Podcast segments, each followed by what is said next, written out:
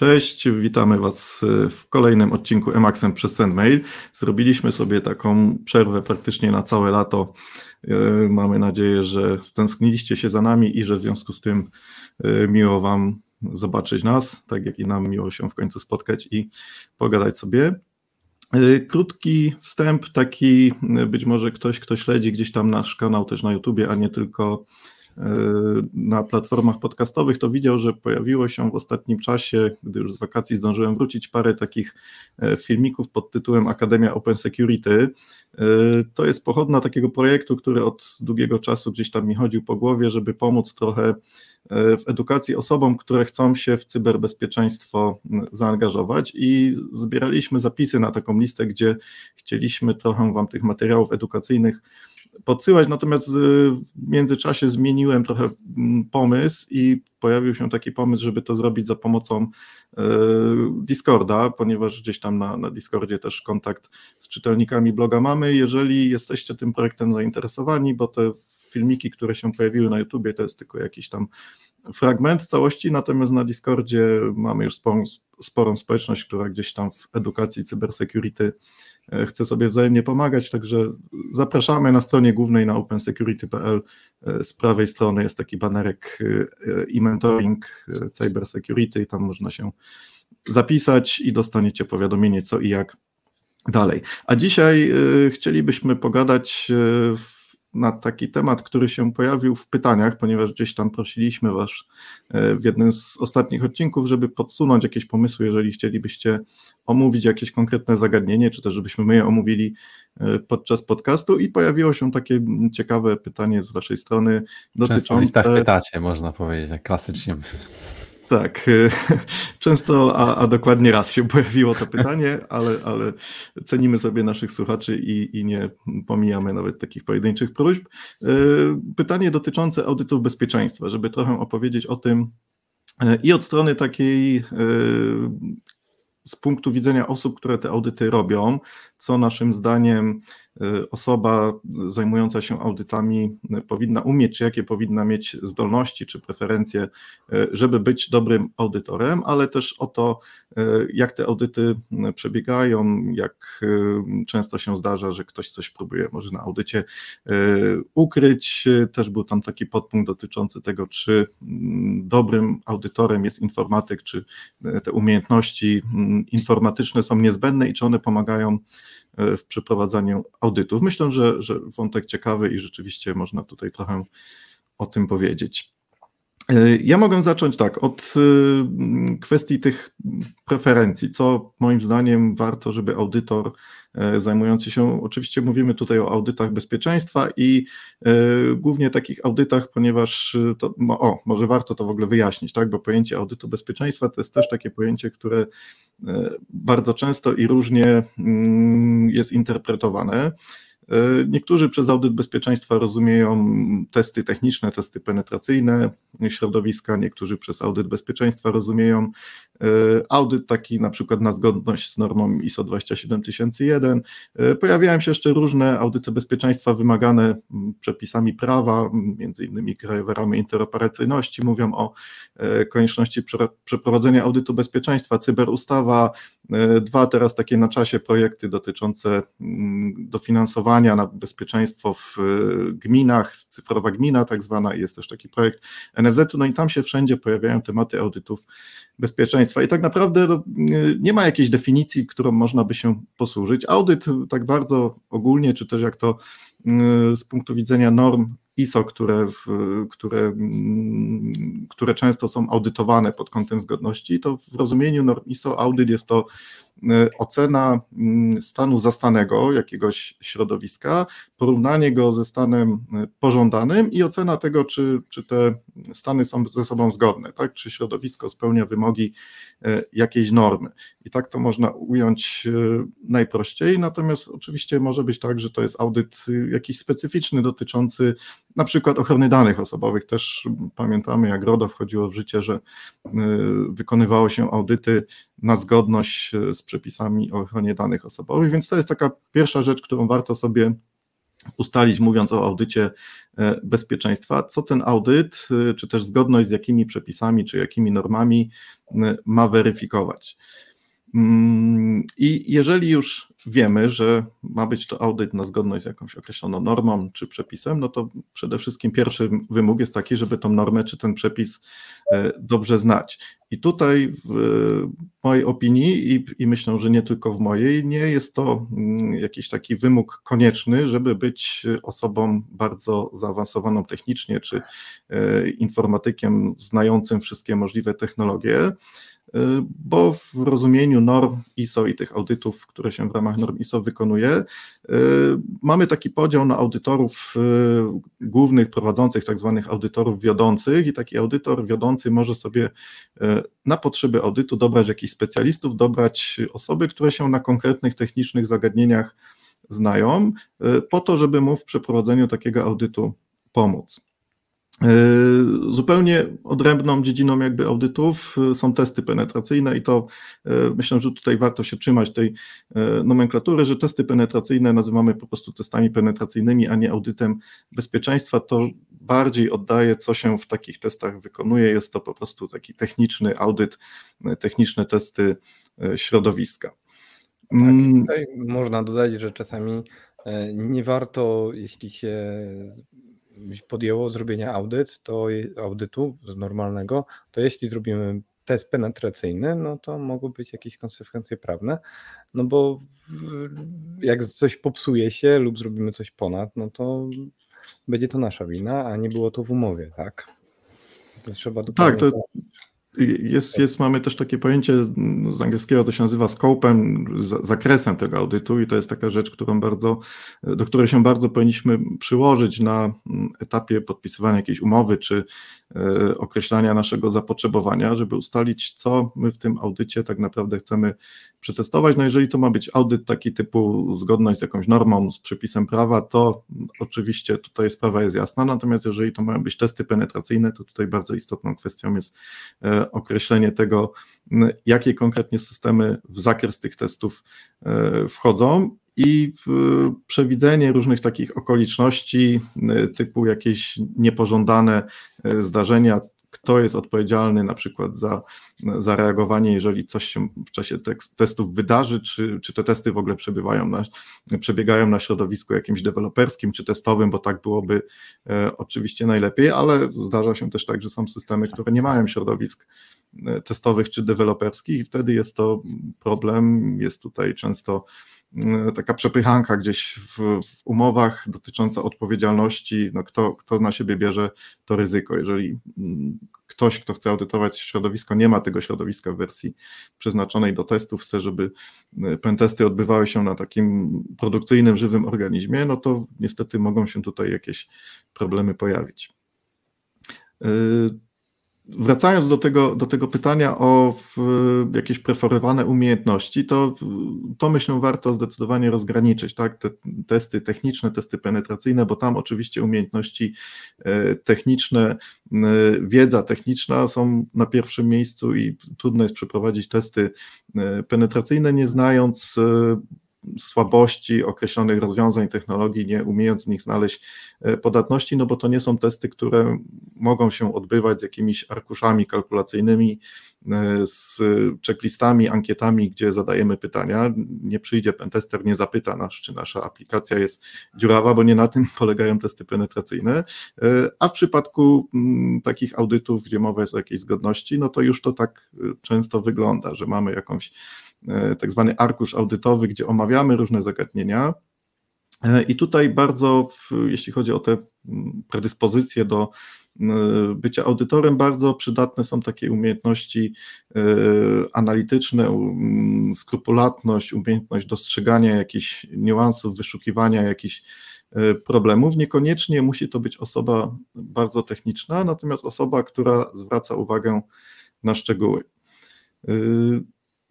Czy coś. Też, też, też taka osoba, która mogłaby jakby troszeczkę cofnąć się, bo często osoby techniczne skupiają się na jednym tylko i tylko wyłącznie jakimś problemie, rozwiązywaniu, a taka osoba ogólna bardziej potrafi spojrzeć szerzej na ten problem i bardziej oszacować ryzyko związane z tym, bo to, że znajdziemy jakiś błąd lub jakoś konfigur coś, co jest nie tak, wcale nie oznacza, że to jest najważniejszy problem, e, problem firmy. Mhm. W, no to właśnie jakbyście ocenili w takim razie, ile musi być wiedzy IT w tym, a ile w zasadzie bardziej jakiejś analitycznej analizy i tak dalej. Znaczy ja myślę, że wiedzy, jeżeli mówimy o takich audytach, teraz to skupmy się na, tej, na tych mniej technicznych, tak? na tych audytach takich na potrzeby jakichś norm. To są takie audyty, ja je nazywam proceduralno-organizacyjne, bo tam przyglądamy się głównie dokumentacji, przyglądamy się procesom, e, przyglądamy się temu, jak te procesy są realizowane przez osoby za nie odpowiedzialne. E, tam wiedza techniczna jest potrzebna na tyle, żeby zrozumieć e, pewne pojęcia. Powiedzmy, że audytor mm, nie musi wiedzieć, jak działa e, macierz e, dyskowa w jakiejś pamięci masowej, e, czym się może konkretnie różni tam RAID 5 od 10, ale wiedzieć na tyle, że pamięć masowa, że macierz dyskowa to jest na przykład jakieś zabezpieczenie przed awarią, przed takim pojedynczym, pojedynczym punktem awarii jakiegoś systemu dyskowego, czyli to jest osoba, która zna pojęcia. Yy, myślę, no że też rozumie, jak dostanie jakiś taki raport lub wynik jakiegoś tam, czy konfigurację czegoś, no to też musi to trochę zrozumieć, rozumieć, czy to jest poprawne, czy nie i czy no, to jest jakieś... No tak, żeby, żeby, żeby, żeby pojęcie typu RAID, czy SQL, czy, czy mm, jakieś, nie wiem, technologie związane z backupem, yy, jakaś synchronizacja na przykład danych, pomiędzy macierzami rozrysowane gdzieś na jakimś rysunku, żeby, żeby to nie była czarna magia. Mm, chociaż, no tak jak mówiłem, z, można sobie wyobrazić taką sytuację, że ten audytor jest tak naprawdę specjalistą, który e, zna dobrze konkretne wymagania, zna normę czy zna przepisy prawa i on się skupia na, na takich punktach ogólnych. Tak? Mamy powiedziane e, na przykład w normie, że musi być jakiś proces zarządzania aktualizacjami, czy proces zarządzania uprawnieniami. E, I teraz on może zadać takie pytanie ogólne gdzieś tam podczas jakiejś e, ankiety czy wywiadu z działem IT, czy wy taki proces macie i jak ten proces obiega, jak ten proces przebiega, ale w ocenie tego procesu może mu już pomóc ktoś, kto specjalizuje się e, w danej technologii, na przykład używanej w tej firmie, bo oczywiście każdy, każdy z tych aspektów może być różnie rozwiązany przez różne technologie i nawet, nawet osoba techniczna taki prozaiczny przykład, tak? Jest to osoba techniczna, która jest specjalistą na przykład od systemów serwerów Linuxowych no i trafia nagle do środowiska, gdzie wszystko jest e, zbudowane w oparciu o rozwiązania Microsoftowe. No on może się nie znać na takich technologiach jak SUS, może nie wiedzieć na przykład, że jest coś takiego jak SUS i do czego to służy.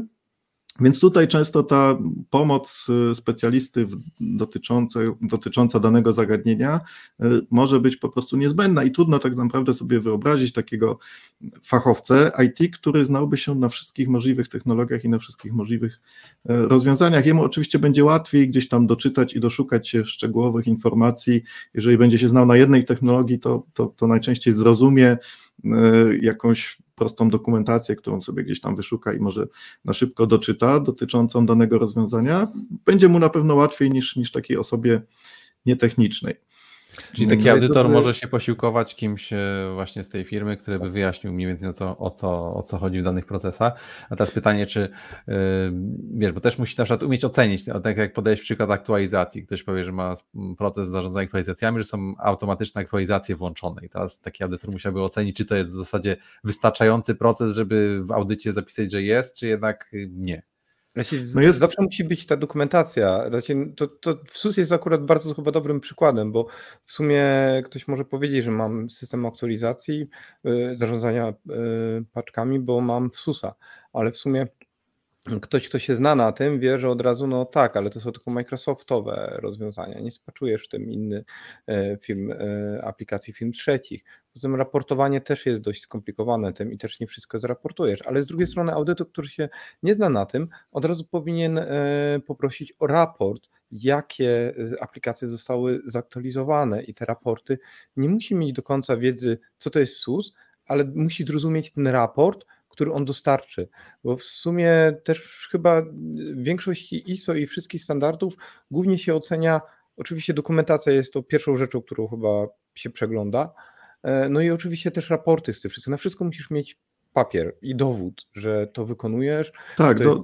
z incydentów, czy to jest różnych y, narzędzi. Dowód, Dowód to jest takie słowo klucz, bo tu zresztą w normach ISO też się na to bardzo kładzie e, nacisk. E, w zasadzie, ja mówię ogólnie w normach, no bo wiadomo, że z bezpieczeństwem nam się kojarzy głównie norma 27001, ale w zasadzie procesy audytu e, przebiegają we wszystkich normach bardzo podobnie. Tam się kładzie nacisk na między innymi na zbieranie tak zwanych dowodów audytowych i często, często bardzo popełnianym błędem podczas audytów jest takie podejście minimalistyczne, polegające na tym, że ktoś przyjeżdża z checklistą, e, z jakimś arkuszem audytowym, który znalazł gdzieś tam w internecie, ściągnął sobie e, i, i ma listę pytań, które musi zadać po prostu, żeby stwierdzić, czy, ma, czy, czy mamy zgodność, czy nie mamy zgodności z jakimś konkretnym systemem. Jeżeli on tą listę przechodzi na takiej zasadzie, że zapytuje, a właśnie czasem z tym spotykam, że nawet przez telefon takie audyty e, właśnie na potrzeby tych ostatnich projektów rządowych są realizowane, na zasadzie, czy Państwo macie backupy? Tak, mamy, ok, odhaczone. Czy Państwo macie e, firewalla? Tak, mamy, ok, odhaczone. Jeżeli ten audyt tak wygląda, no to oczywiście on z audytem nie ma nic wspólnego, e, bo teraz każda odpowiedź taka twierdząca na takie pytanie powinna się wiązać z tym, dobra, to proszę mi teraz pokazać, jak to u Państwa wygląda, tak? Jeżeli macie e, pytanie przykładowo, trzymajmy się tutaj tego przykładu w SUSA, macie w SUSA, ok, proszę mi pokazać jakąś konsolę, gdzie będziemy mogli stwierdzić, jak jaki jest y, w danym momencie stan tych aktualizacji, ile systemów w firmie jest zaktualizowanych, ile czeka na e, jakąś aktualizację, ile może tych aktualizacji się z jakiegoś powodu e, nie powiodło, bo jakiś proces się tam zwiesił, coś się nie dociągnęło. Jeżeli macie takie rozwiązanie, no to, to proszę mi to pokazać. Tak? I taki dowód w postaci nawet jakiegoś tam e, zrzutu ekranu, czy notatki wykonanej przez audytora, że on widział taką konsolę, że on był w stanie z niej ustalić ten stopień E, aktualizacji jest takim dowodem, e, jednym z przykładów takich dowodów, które można zebrać mm, i, i są one oczywiście mm, wystarczające. Czyli dobrze, taki raport nie jest zero-jedynkowy.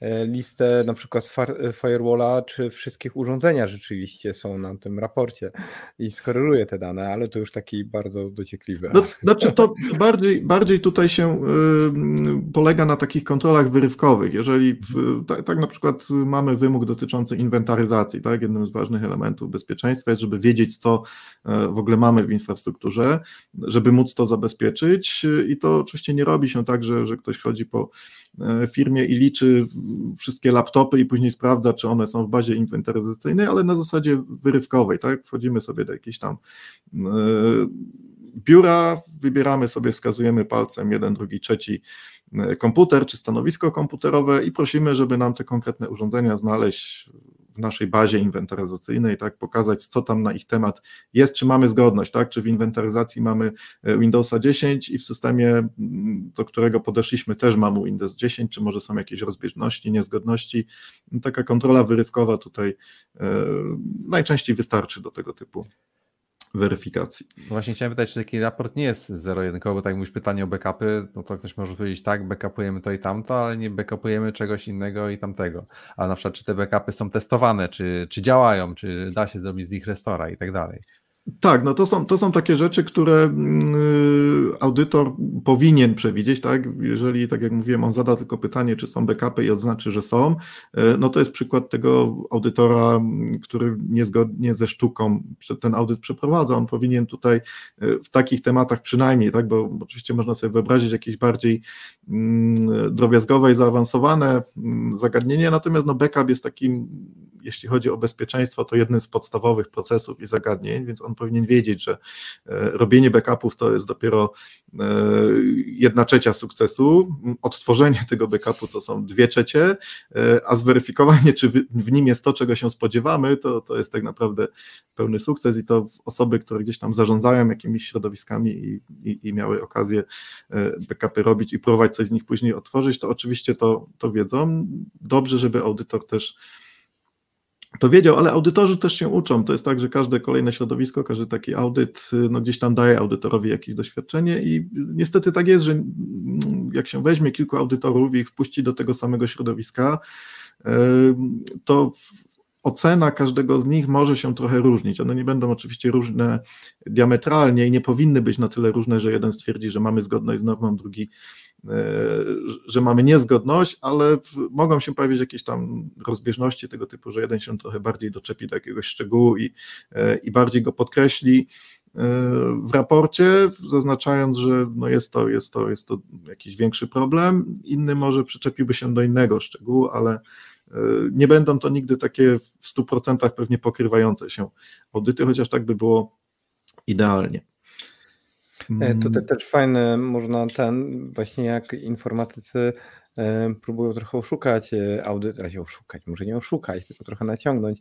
Często chyba taką standardową rzeczą jest wrzucanie właśnie dokumentacji i raportów na ostatnią chwilę. E, tak, gdzie już nie, e, ten audytujący już nie ma czasu nawet do końca przyczepić się do wszystkiego.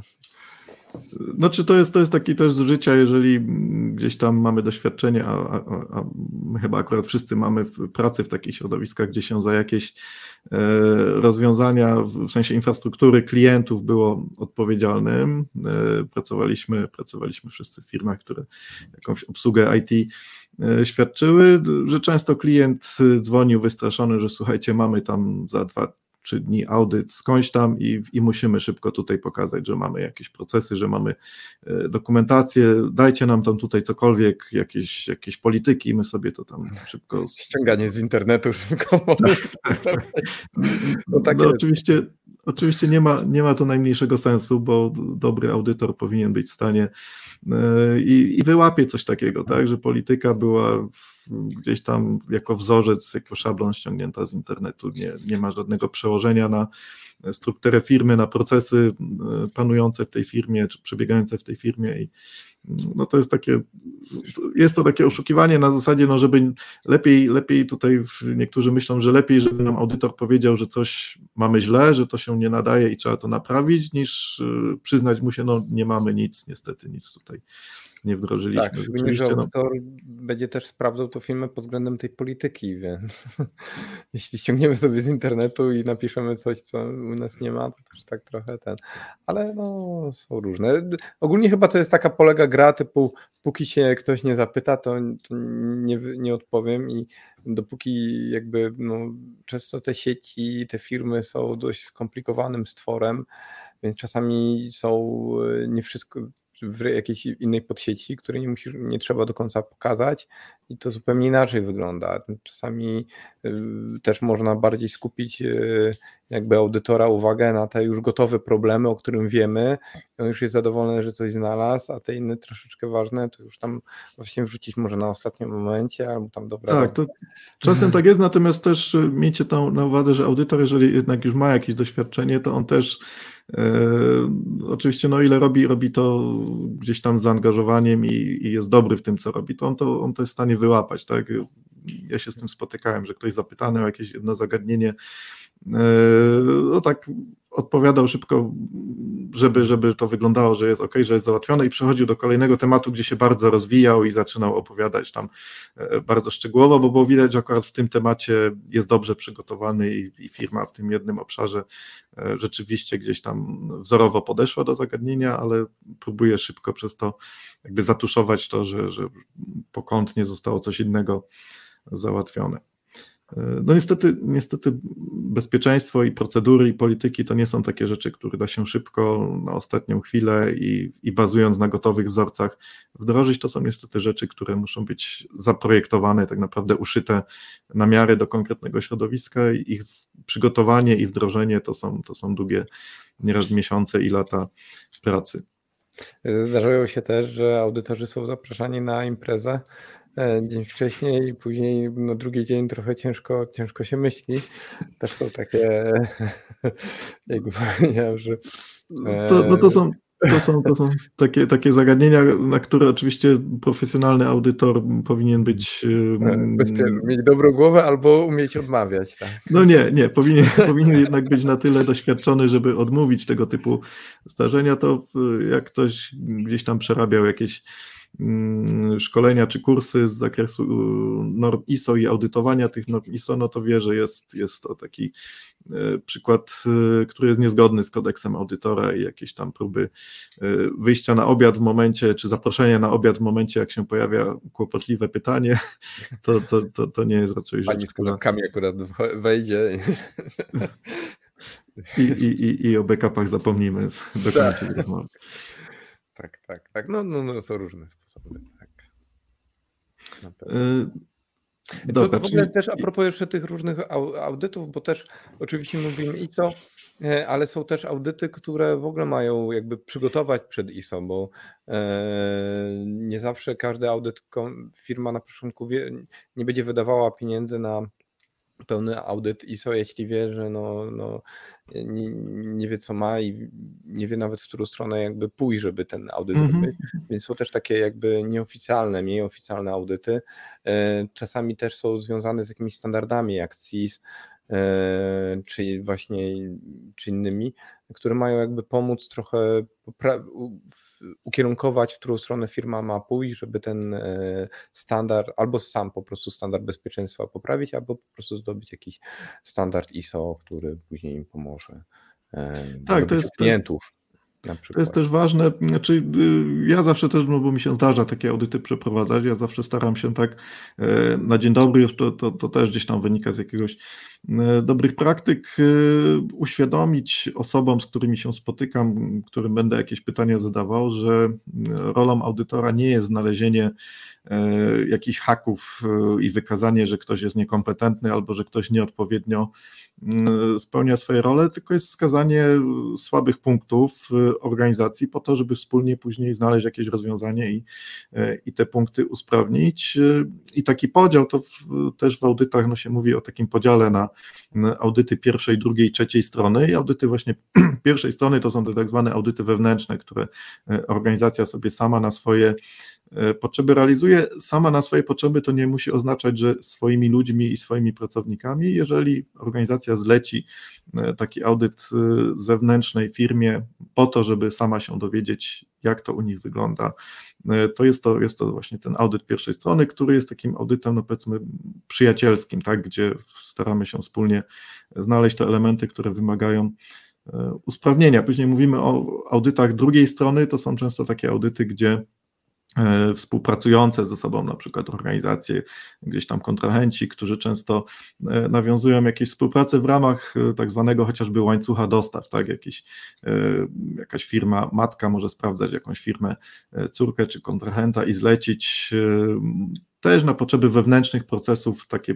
taki audyt, przeprowadzenie tego audytu u tego kontrahenta, no i mamy audyt, audyt tej, tej trzeciej strony, czyli taki audyt już na potrzeby na przykład certyfikacji wykonywany przez zewnętrzną jednostkę certyfikującą, który kończy się już stwierdzeniem takim jasnym. Jest zgodność, nie ma zgodności, y, ale to jest to w takiej kolejności właśnie one powinny przebiegać. Najpierw te audyty wewnętrzne, później dopiero ten audyt y, ewentualnie certyfikujący, no bo odwrotnie trochę by to nie miało sensu.